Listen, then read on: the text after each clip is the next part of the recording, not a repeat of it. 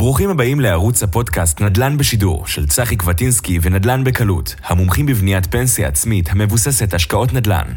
ערוץ הפודקאסט עוסק בנושאי השקעה שונים ובנושאים אקטואליים בנדל"ן בישראל. האזנה נעימה. ברוכים הבאים לעוד פודקאסט של צחי קווטינסקי ונדל"ן בקלות. הרבה זמן, הרבה מאוד זמן, אני אה, בקשר עם אה, פיטר הוד, שפיטר לדעתי הוא אחד מהמתכננים הפיננסיים אה, היותר מוכשרים, אחד האנשים היותר יסודיים שאני פגשתי בחיים שלי.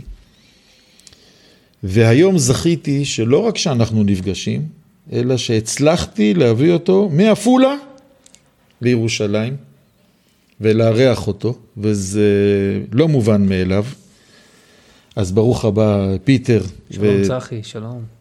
תודה רבה רבה על זה שכיבדת את ההזמנה שלי והצטרפת אליי. ואני לא סתם הזמנתי אותך, אני הזמנתי אותך א', בגלל שאתה יודע שאני מעריץ את הסוג של העבודה שלך ואת ההתייחסות שלך לדברים, ואני חושב שאתה מודל אה, לכל מי שעוסק בדברים אה, ללמוד. אני גם רואה עכשיו שמספיק שנתתי כמה טיפים על הפודקאסטים שאני בתוכם ועל צילומים ועל הכל, אבל זה מה שמאפיין אותך.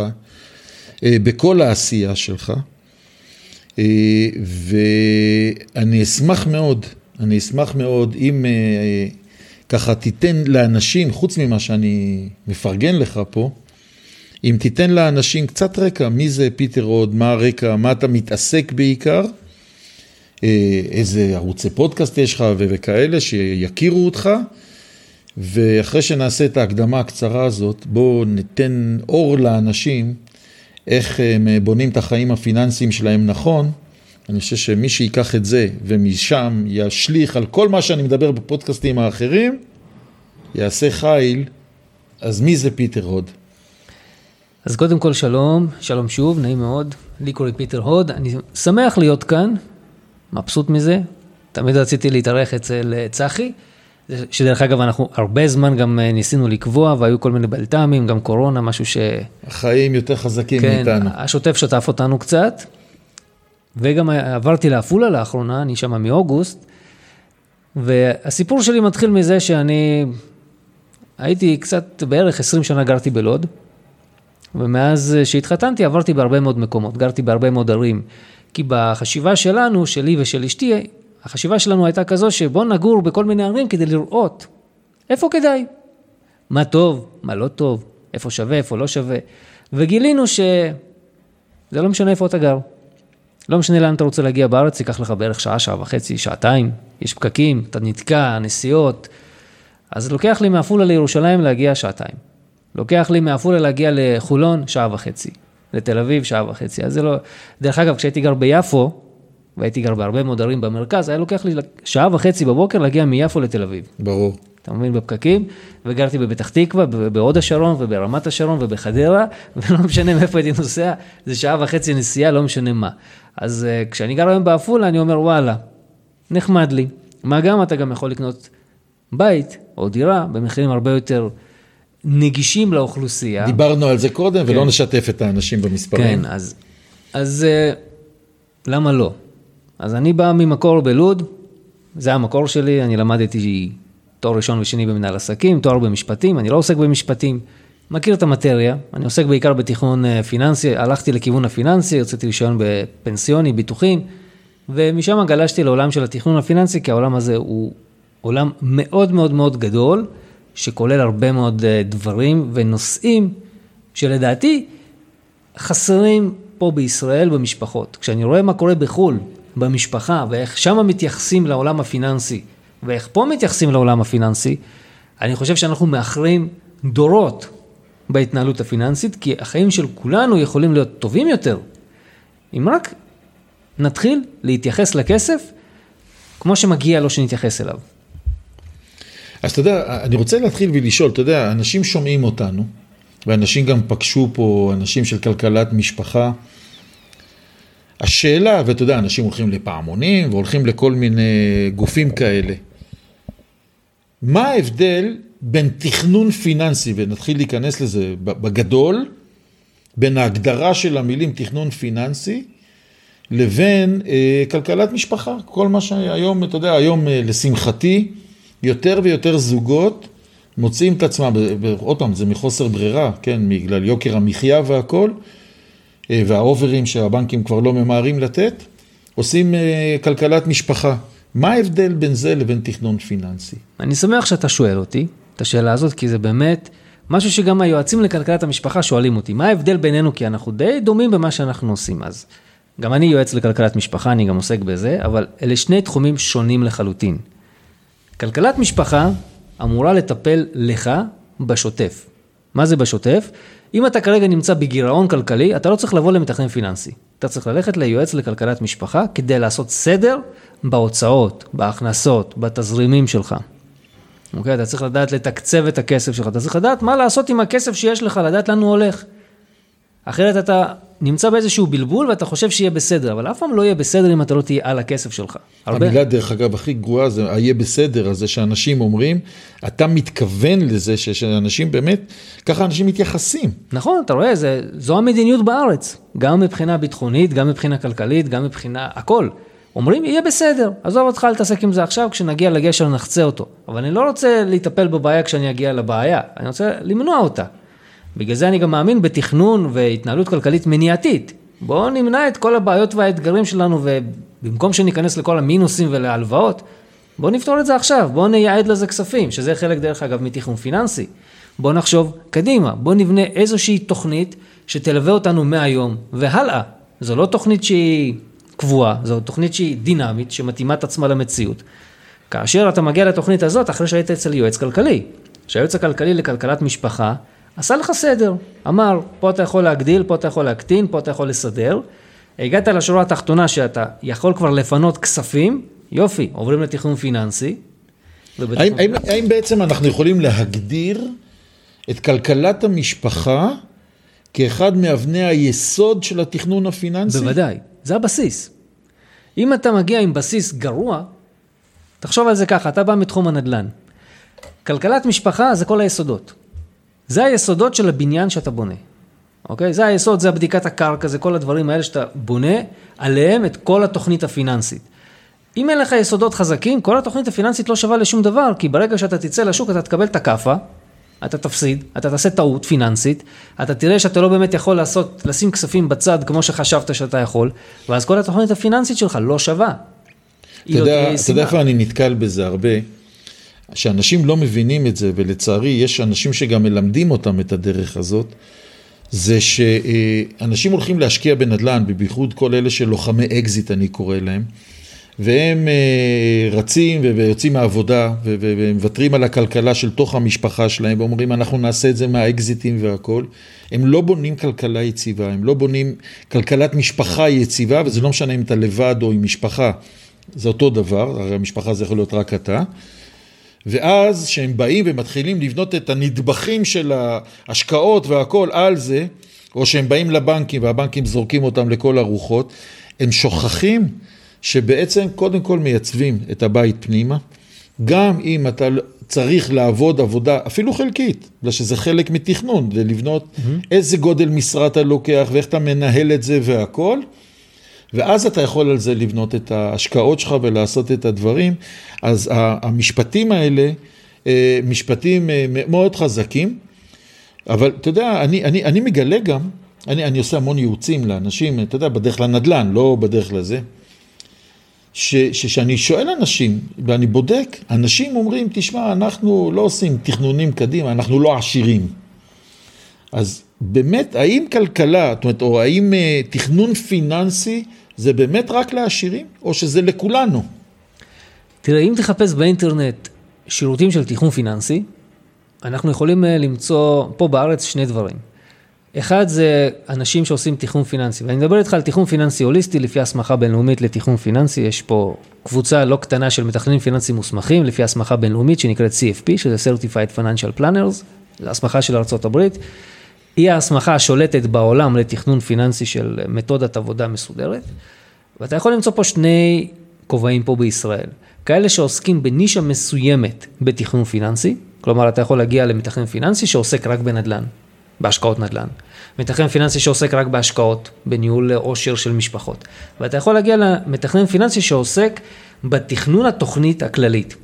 ואז כשיש לך את התוכנית הכללית, הוא בעצם מפנה אותך לכל מיני אנשי מקצוע, או שעובדים איתו in-house, בתוך המשרד, או לאנשי מקצוע חיצוניים, ועושים את העבודה.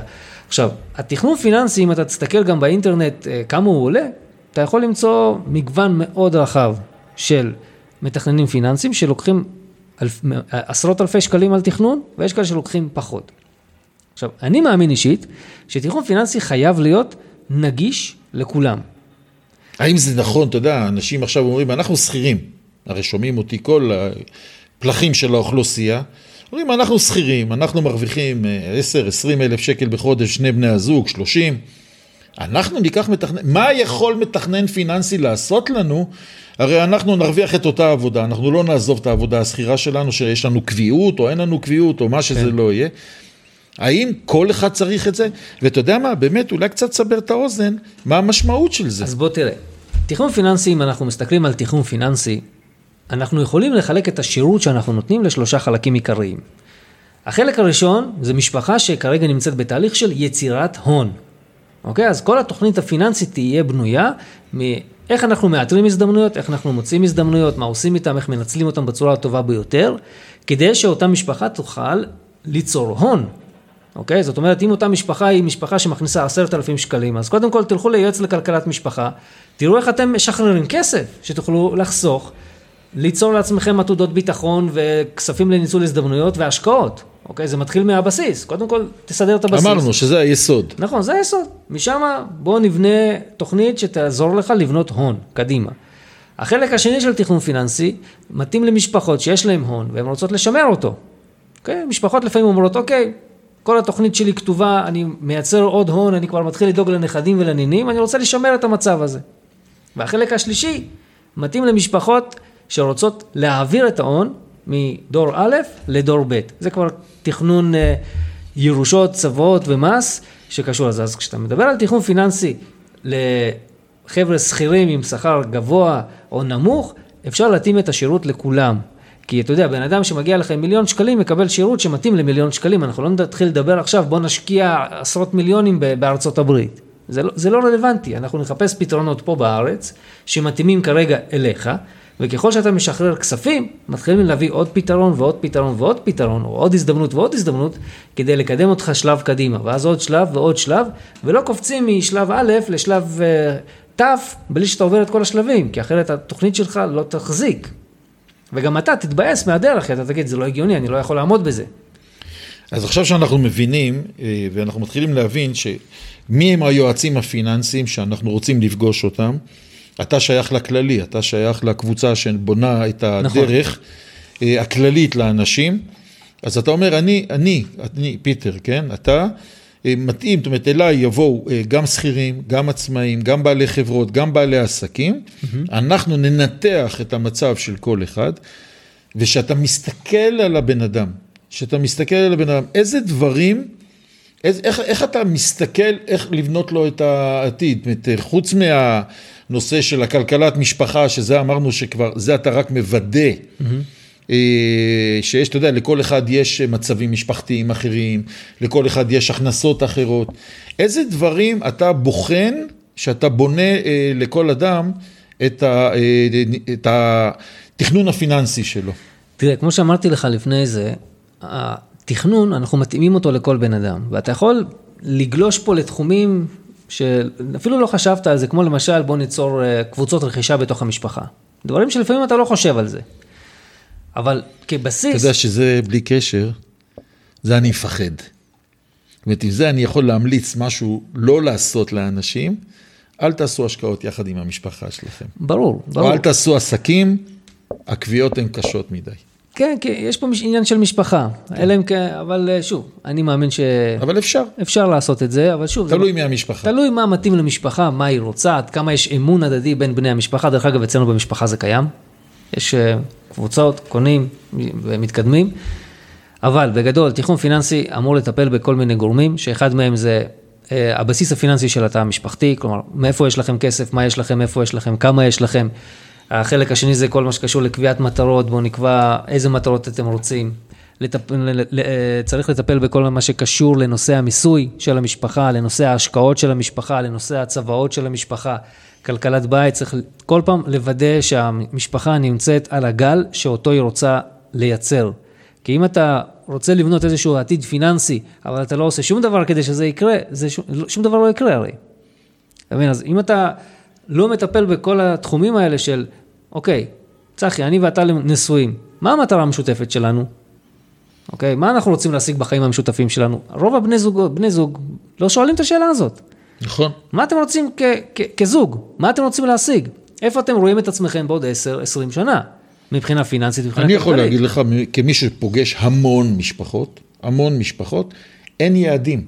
אני יכול להגיד לך, דרך אגב, הרי אתה יודע שחלק מסיפור החיים שלי זה הנפילה שהייתה לי לפני, אה, לפני 15 וחצי שנים, ואחת הסיבות, אחת הסיבות, מעבר לזה שאני הייתי בסדר עם הבנקים, והבנקים, למרות שהייתי בחוב גדול לבנקים, הייתי רק לבנקים, ואני, אה, והם עזרו לי לצאת מהמקום, אחת הסיבות שהם עזרו לי והם זרמו איתי, היה שאני באתי להם אחרי כמה ימים עם תוכנית לאן אני הולך. מצוין. אתה איש צבא, נכון? לא, אני בא מעולם הביטחון. בא מעולם לא, הביטחון. לא שנים של צבא. מטווח עשית, נכון? בחיים. יופי. מטווח זה בסך הכל כליאה למטרה. בואו נשים, נשים את ה... ניקח את זה לעולם שלנו, של החיים הרגילים. אנחנו רוצים להגיע לאנשהו, איזושהי מטרה. אם אני אעצום לך את העיניים באותו מטווח, ואני אגיד לך, תירה, אתה תפגע במטרה? אתה יכול להגיד לי, יהיה בסדר, בוא ננסה. מסוכן. מה, אבל מה הסיכוי שתיגע? תפגע. אין סיכוי. לא משנה אם אתה תהיה הצלף הכי טוב. אנשים רואים את זה בסרטים, זה מסוכן. כן, אבל העניין הוא זה שאם אתה רוצה לפגוע במשהו, או להגיע לאנשהו, ואתה עוצם את העיניים בדרך לשם, שאתה אומר יהיה בסדר, אין לך סיכוי לגעת בזה ולהגיע לשם. לא משנה עד כמה אתה תותח, לא משנה כמה כסף יש לך, לא משנה כמה גיבוי יש לך, אם אתה הולך בעיניים עצומות, הסיכוי שלך להגיע שואף לאפס. לא, יש כאן, אתה יכול להגיד, יגידו אנשים ששומעים אותנו, יש אנשים שיש להם מזל, אתה יודע, יש אנשים ש...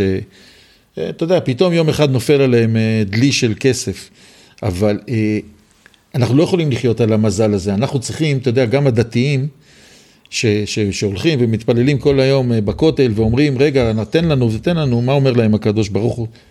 תעשו את ההשתדלות. אז בוא אני אתן לך משהו מעולם ההימורים. יש את המהמר שמגיע לשחק, הוא סומך על המזל. יש את הדילר, שהוא היוצר של המשחק.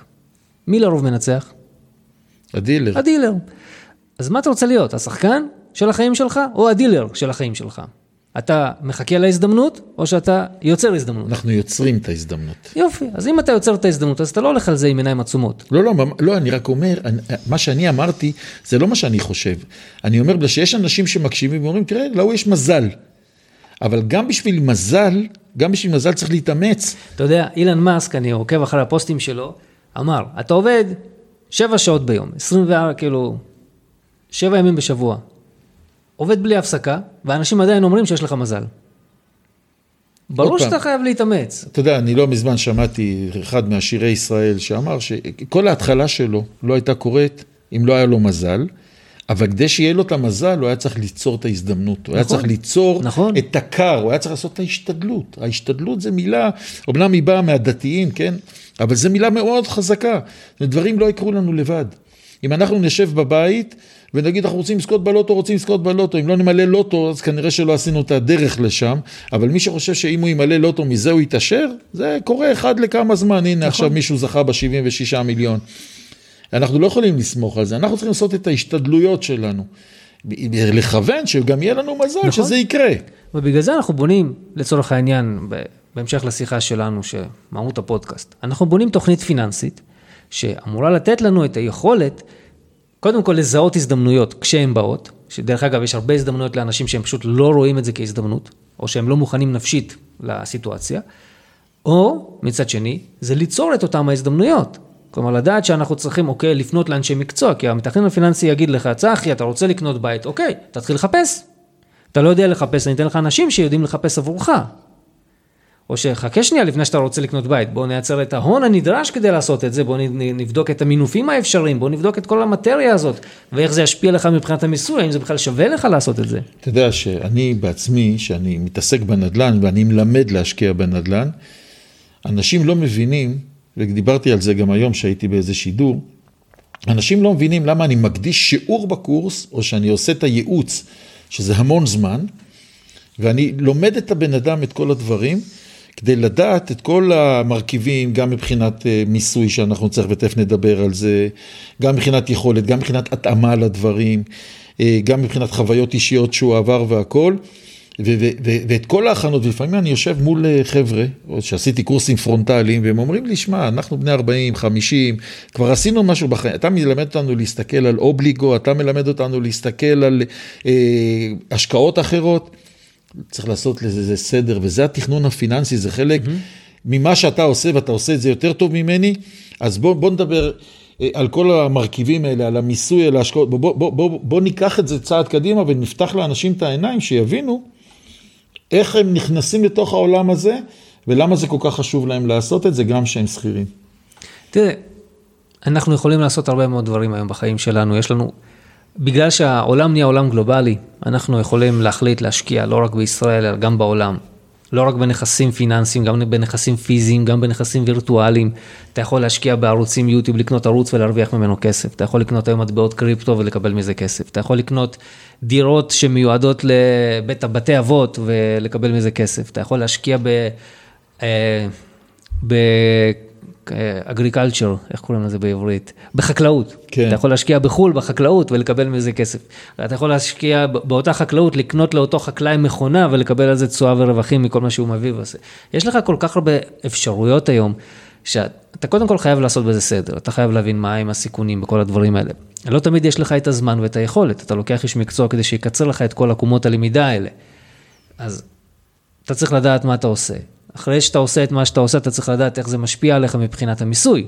אתה יודע, להשקיע היום בארצות הברית זה נחמד, אבל פתאום אתה חוטף זמבורה של מיסים, שאתה משלם גם פה וגם שם. זה דרך אגב, אחת הסיבות שאני ידוע כמתנגד להשקעות חו"ל, אה, בגלל שאנשים לפעמים נכנסים לתוך הדבר הזה והם לא מודעים. הם לא כן. לא מודעים כמה כסף הם משלמים מיסים ומה קורה בדרך, והם חושבים אמנות וכל מיני סיפורים, ועד שהם מקבלים פתאום את הזפטה. כן, פתאום אתה צריך להגיש אה, דוחות מס כל שנה לארצות הברית. זה יש לזה עלויות של אנשי מקצוע, בין אם זה פה ובין אם זה שם. זה פתאום, עזוב עלויות, העוגמת נפש שנוצרת לך כתוצאה מזה שפתאום אתה צריך לעשות משהו שאתה גם ככה לא יודע לעשות, ואז אתה צריך לקחת אנשי מקצוע שיעשו עבורך, ש... מה לעזאזל עשיתי, איך נכנסתי לכאב ראש הזה? אתה יודע, זה גם יכול להיות על הנדל"ן המסחרי, בן אדם פרטי, בוודאי. שמשקיע בנדל"ן מסחרי, יש לי מישהו שהתווכח איתי השבוע, התווכח איתי שהוא רוצה נדל"ן מסחרי שהוא פרטי, והסברתי לו. מספיק שעכשיו, למשל, אחרי הקורונה, נכס לא מושכר, אז מעבר לזה שאין לך הכנסות, יש לך גם ארנונה לשלם, וזו ארנונה מאוד גבוהה. יפה. אה, יש לך מיסוי, יש לך להגיש דוחות, אתה בן אדם פרטי, אתה שכיר. בדיוק, זה כל הנושא של ה... יש לזה משמעויות, ה... בוא תבין, ואתה אומר, זה מה שאתה בעצם מעביר את המסר, בוא תלמד.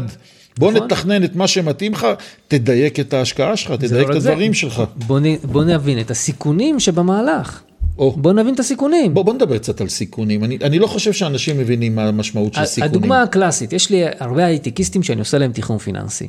הייטקיסטים, אתה יודע, עשו אקזיטים, אחד או שניים, יש להם כספים, בני 30, בני 40, והם אומרים לי, אוקיי, בוא נעשה תכנון פיננסי, ובתכנון פיננסי אני אומר להם, בוא נתכנן את היום שאף אחד לא רוצה אותך יותר בעבודה. בוא נתכנן את זה. אתה יודע, גיל 45, כמה אתה נותן לי? סטטיסטיקה אומרת 45. או לחילופין, אותו הייטקיסט שעשיתי לו לא מזמן אה, כמה, כמה פגישות מעניינות, היה איש מרתק, שרצה בגיל 45 לצאת לפנסיה. על הכיפאק. מה הסיכונים של זה? אתה יודע, אני בהרצאות שלי, אני אומר, מגיל 0 עד גיל 80, יש לך 30 אלף ימים לחיות. 15 אלף ימים, אתה יכול לחלק את זה 7 וחצי ו-7 וחצי, 7 וחצי אלף ימים זה עד גיל 25, אתה מבזבז על... Uh, בית ספר יסודי, תיכון, צבא, טיול. אתה לא מרוויח כסף אמיתי. שבע וחצי אלף ימים אתה מבזבז על הפנסיה שלך, שלרוב יחס תחלופה פה בישראל, אתה יכול לראות, הפנסיות ממש ברצפה. אין לאנשים כסף, הם חיים במינוסים. אז נשאר לך סך הכל 15 אלף ימים כדי להגיע עצמאות כלכלית שתאפשר לך לפרוש מתי שאתה רוצה, עם כמה שאתה רוצה, כדי שתוכל לעשות מה שאתה רוצה, עם מי שאתה רוצה, כמה שאתה רוצה, איך שאתה רוצה וכך הלאה. אז אם אתה לא תנהל את הנושא הזה של הסיכון, של כמה אני רוצה לחיות, איך אני רוצה לפרוש, מה אני מאחל לעצמי, ואיך זה משפיע לי על החיים, הזוגיות, ועל כל מה שמסביב, ממה שהחיים שלי מורכבים, והחיים של כל אחד פה מורכבים בצורה אחרת, אין תכנון אחד שמתאים לכולם, אתה תהיה בבעיה, אם אתה לא תעשה את זה. וזה חשוב לעשות את זה, לא משנה עד כמה התכנון שלך מקיף או מצומצם. כי ברגע שהתחלת לעשות את הדבר הזה, ואני יכול להגיד לך, אני נותן לכל משפחה שאני מתחיל את התיכון פיננסי, אני עושה איתם מיני כלכלת משפחה. בואו תרשמו את כל ההוצאות, בואו ננסה לאתר הוצאות מטומטמות. הוצאות שהן, אה, שנוצרו בחיפזון כזה של אה, בא לי עכשיו קניתי. ואז אתה רואה משפחה מכינה דוח כזה שמסודר של כל ההוצאות שלהם, והיא אומרת, פעם ראשונה אני הכנתי את הדבר הזה, אני בכלל חשבתי שאני מוציא פחות ממה שאני מוציא. פתאום יש להם איזושהי הברקה כזאת והם אומרים, אוקיי, אם חשבתי שיש לי ככה כסף פנוי, פתאום אני מגלה שיש לי פחות. כי כשיש לך הרבה כסף, או שאתה פתאום מקבל סכום כספי גבוה ואתה מתחיל להתנהל איתו, אתה לא תמיד רגיל גם להתנהל עם סכומים כאלה. אז כשאתה לא רגיל להתנהל עם סכומים כאלה, אתה בהכרח בדרך כלל תעשה טעויות, שדרך אגב, סטטיסטיקה אומרת שאותם אנשים שזוכים בלוטו למשל, במיליונים, הם, טוב, בין שלוש לחמש... הם הנופלים הגדולים. בין שלוש לחמש שנים הוא פושט רגל. כן. איך זה יכול להיות? הנה בן אדם, שכל אחד פה מאיתנו היה רוצה להיות בנעליו, אבל אותם אנשים, הרוב הגדול זה, מהם... זה לא רק בלוטו, זה גם מתעשרים, כולל מאקזיטים. נכון. שהגיעו לפת לחם. אבל למה זה קורה? כי הם נכנסים בדרך כלל, הם עושים טעויות, למה? הם, הם עושים טעויות מכמה סיבות. קודם כל, הם לא יצרו את הכסף הזה, הם לא ידעו להתנהל עם הכסף הזה אף פעם, וגם אין להם מטרות ברורות. והם נופלים בפח עם כל מיני מזימות וכל מיני דברים, שדרך אגב, אני עכשיו אה, פרסמתי בערוץ היוטיוב שלי, שנקרא פינה פיננסית, 16 טיפים לאנשים שקיבלו סכום כסף גדול, מה לעשות, מה לא לעשות.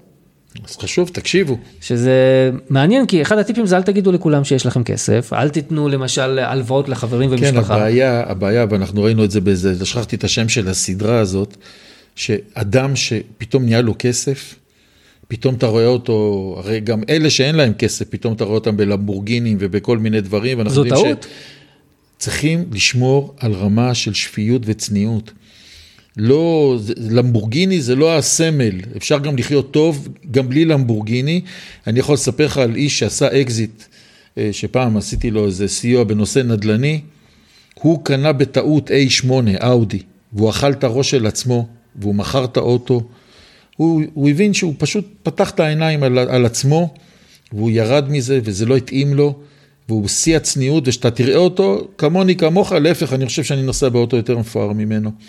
אבל זה לא הכל. צריכים לדעת להתנהל בכספים האלה, וזה לא מובן מאליו. נכון, כי אתה, אתה יודע, אתה רגיל להתנהל עם עשרת אלפים שקלים, ועכשיו אתה פתאום מתחיל אה, לשחרר קצת מהכסף הזה, הרי אנחנו צריכים לסגור הלוואות, חובות וכו'. זה עושים בכלכלת משפחה. אתה מגיע לתכנון פיננסי כשיש לך כבר נגיד 3,000 שקלים פנויים בתא המשפחתי לצורך חיסכון. ואז אתה מתחיל את התהליך, שלדעתי התהליך החכם ביותר זה קודם כל ליצור עתודה לביטחון. שאם חס וחלילה קורה לך משהו, אז יהיה לך כסף נזיל למשיכה מיידית.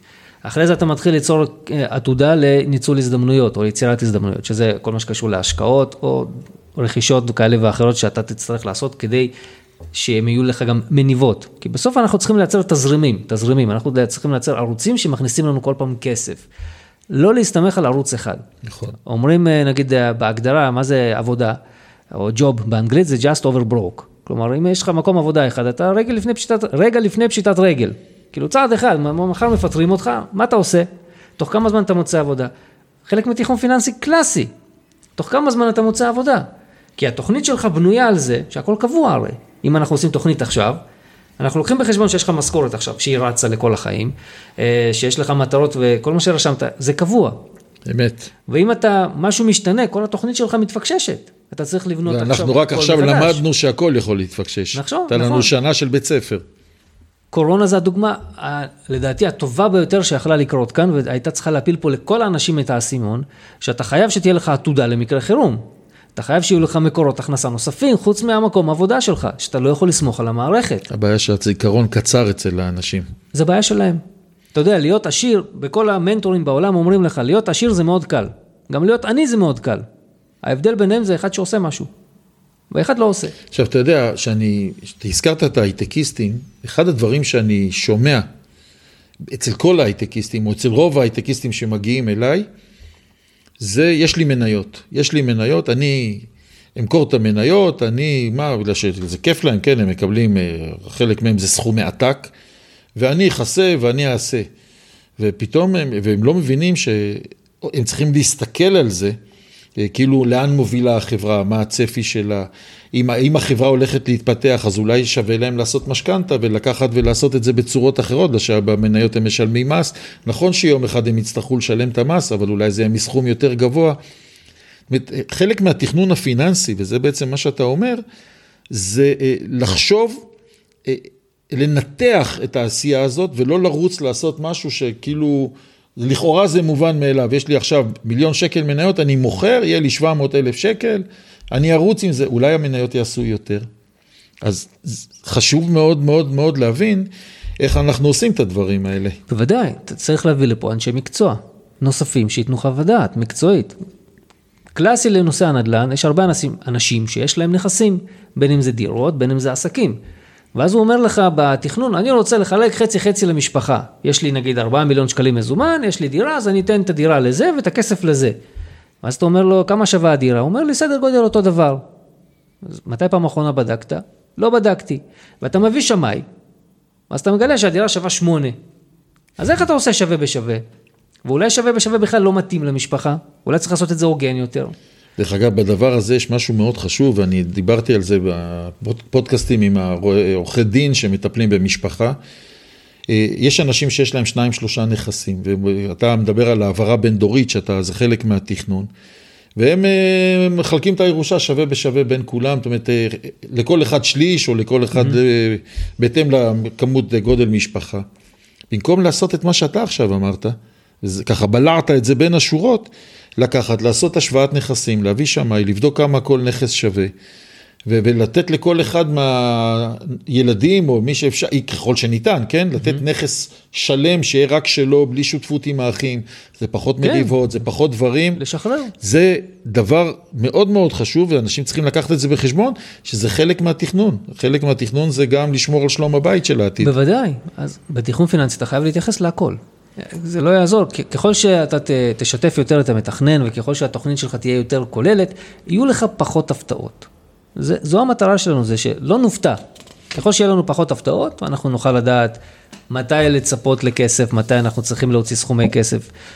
אתה יודע, אנחנו תמיד מופתעים מזה שאנחנו מוצאים עשרה שקלים בכיס, או חמישה שקלים בכיס. אתה יודע, אתה מוציא, לא מזמן אה, הוצאתי מעיל, הכנסתי את היד לכיס כדי שמעתי רעש, פתאום יצאו לי שם איזה 20-30 שקלים. נחמד. אמרתי, וואלה, מגניב. עכשיו, תחשוב שאתה עושה, עושה היום תוכנית, שבתוכנית אומרים לך תפתח חיסכון פה ותעשה את זה ותעשה את זה ותעשה את זה, ועשית, וכעבור עשר שנים או כעבור חמש שנים אתה בא לאותו מתכנן ואומר, אוקיי פיטר, עשינו, אני רוצה אה, להתחיל ללמוד משהו. היה לי מקרה כזה שמתקשרת אליי לקוחה, אומרת לי, אני רוצה להתחיל ללמוד, אני רוצה לבדוק איפה הכי כדאי לקחת הלוואה. אני אומר לה, למה את צריכה הלוואה? כשיש לך תוכנית חיסכון, שזו המטרה שלה. היא אומרת לי, לא זכרתי שיש לי תוכנית חיסכון. אמרתי, אז בואו נבדוק כמה יש. ובדקנו וגילינו שמה שהיא חסכה מספיק לה לתואר שלם של אה, שלוש שנים במכללה פרטית. עניין של מגניב, ש...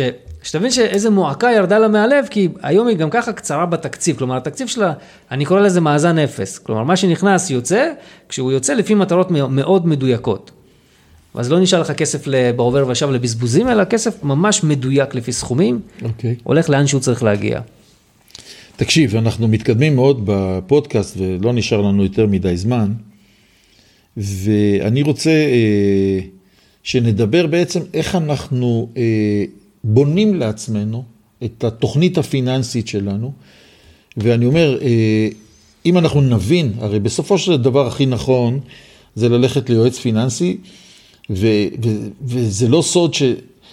אתה יודע, כשאני עושה ייעוצים, אני לא יועץ פיננסי, כן, אני יועץ אה, שבונה לאנשים פנסיה עצמית, מבוססת על נדל"ן.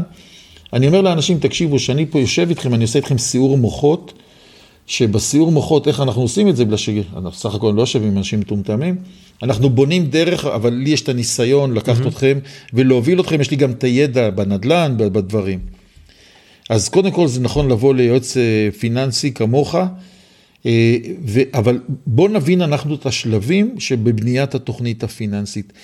אה, אתה מגדיר את זה, יש לך הגדרות מאוד מיוחדות לדרך, אה, אז בוא, בוא, בוא תפתח לאנשים את העיניים, איך, מהם השלבים בדרך לתוכנית הפיננסית? תראה, אני יכול לתת למאזינים שתי אופציות. אופציה אחת זו האופציה שבעצם הם באים למתכנן פיננסי.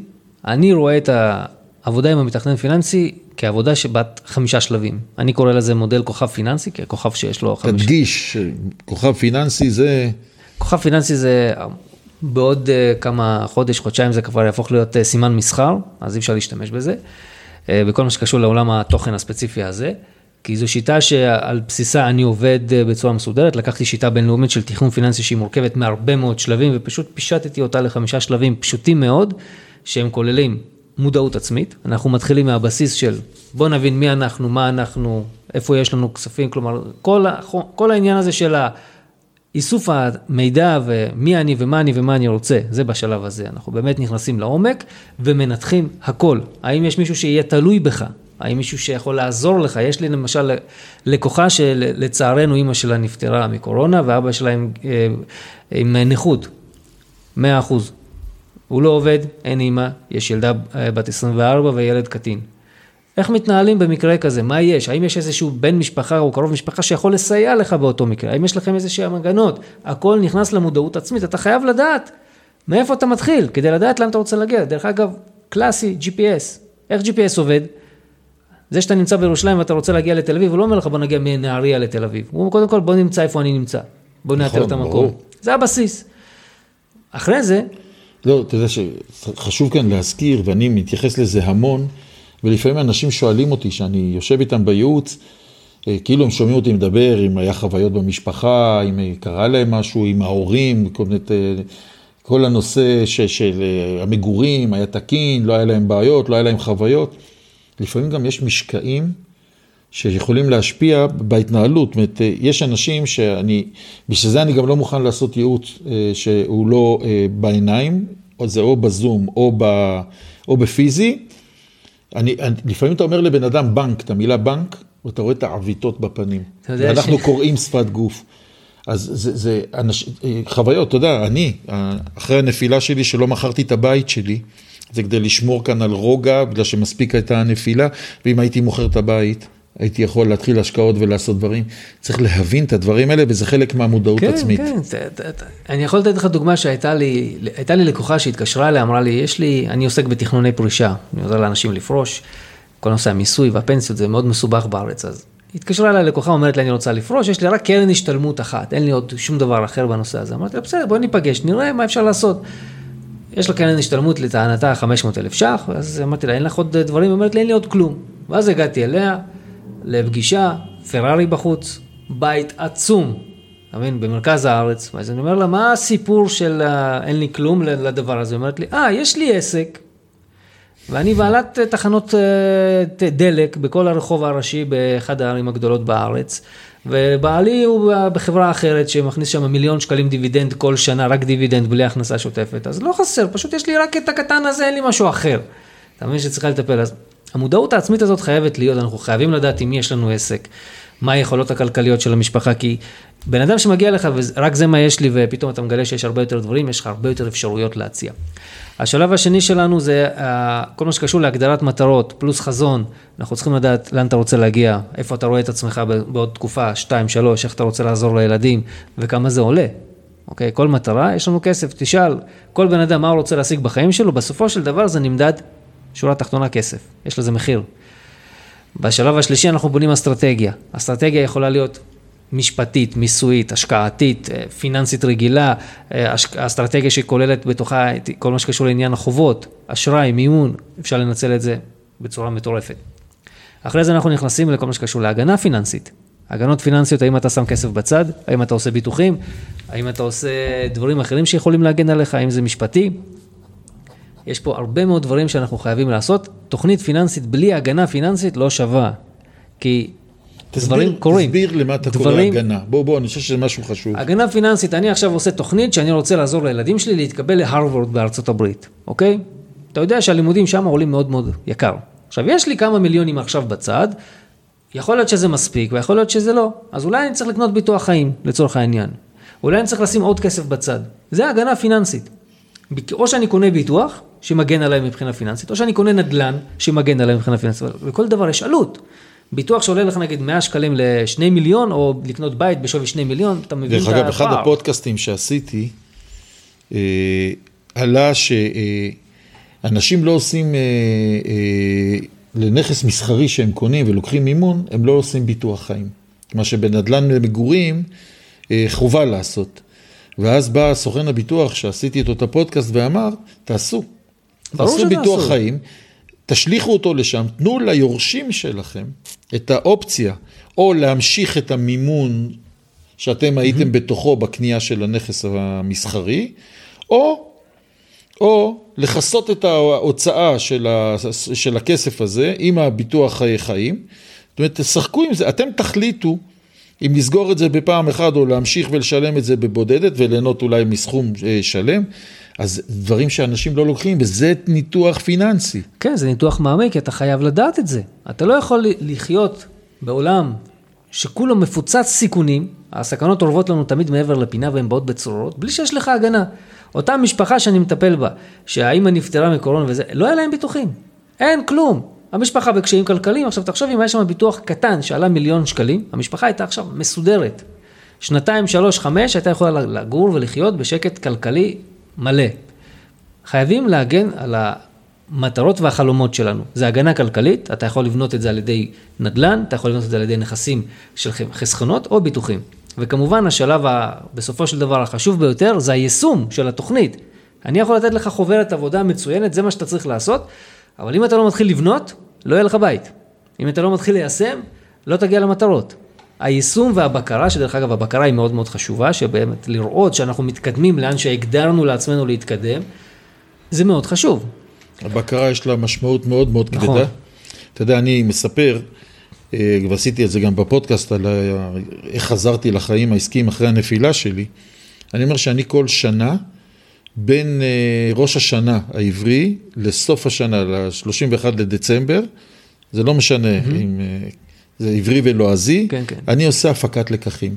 אני כל השנה עסוק, בייחוד אחרי הנפילה שלי, שהייתי בסוג של מרוץ עכברים, לבנות את החיים שלי מחדש.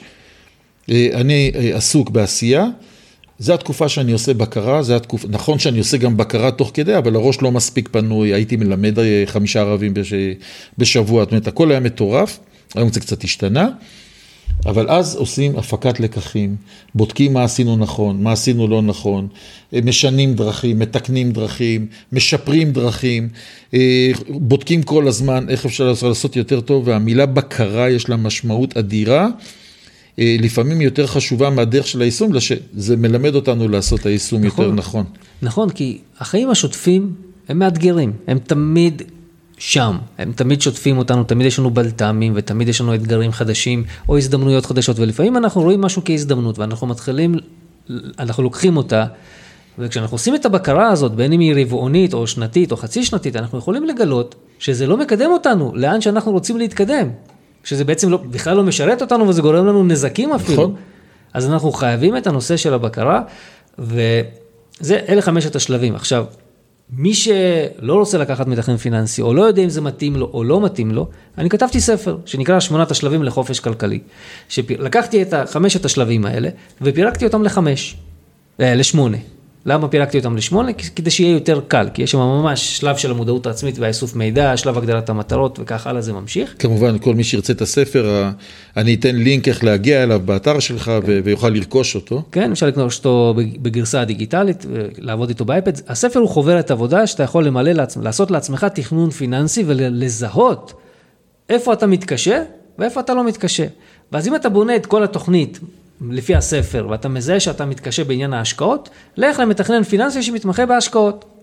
אתה מזהה שאתה לא, לא מסתדר בנושא ההגנות הפיננסיות או החסכונות הפנסיונים שלך, לך למישהו שמתעסק ספציפית בזה, ואתה יכול בעצם להגיע לרמה של תכנון פיננסי בסיסי טוב, ולהבין איפה אתה טוב, איפה לא טוב, אני עדיין יכול קדימה. להמליץ, אני עדיין יכול להמליץ, קחו אנשי מקצוע. זה נשמע לכם לפעמים שאתם צריכים לשלם אלפי שקלים. ותלכו לפיטר והוא יגיד לכם כמה הוא עולה, ואני לא יודע כמה אתה עולה, אבל זה לא משנה, כמה עולה השירות שלך, סליחה, לא כמה אתה עולה. אבל בסופו של יום, לפעמים שבן אדם מסתכל עליך מבחוץ, בן אדם שרואה אותך ללא אמוציות, ש, שיודע לבחון אותך, שיש לו את הידע, שיש לו את הכלים, יכול לחסוך ממך את הטעויות שבדרך, יכול למקד אותך, יכול לחסוך ממך את, ה, את החוסר תכנון, יכול להוביל אותך בדרך הנכונה, אבל זה חשוב, זה חשוב. אה, גם לי יש הרי חוברת, כזה חוברת שאני נותן, איך, אה, את השלבים הנכונים בנדל"ן, אבל זה לא תחליף לכלום. בוודאי. תעטפו את עצמכם בפיטרים, באנשים שיודעים להוביל אתכם נכון. זה נכון, אבל תראה, אני חושב שבגלל שאין פה מודעות לנושא הפיננסי, ספרים, ויש היום ספרים בשפע, אני דרך אגב, אני קונה כל חודש איזה שניים שלושה ספרים בתחום הפיננסי וההתפתחות האישית, כדי לקבל עוד כלים וכדי לקבל עוד מיומנויות, כדי לקצר עקומות למידה. וזה משהו שיכול להועיל, משהו שיכול לקצר לנו אה, ולכוון אותנו של מה לעשות בהמשך. איזה איש מקצוע אנחנו צריכים, איזה שאלות אנחנו יכולים לשאול אותו, כי רוב האנשים לא עושים את מה שצריך לעשות מתוך פחד שהם יעשו טעות, מתוך פחד שיעבדו עליהם, ולא חסר פה מקרים שעובדים על אנשים וגונבים להם את כל הכסף. אנחנו רואים את זה כל הזמן. אז לדעת, תקנו ספרים, הם עולים בזול, לא, לא בהכרח את שלי, יש עוד מלא ספרים. תקנו, תקראו, תקבלו את הכלים ואת הידע, כדי שתוכלו לפנות לאנשי המקצוע ולשאול אותם בדיוק את מה שאתם צריכים לטובתכם. וגם כשאתם בוחרים אנשי מקצוע, תקשיבו להם.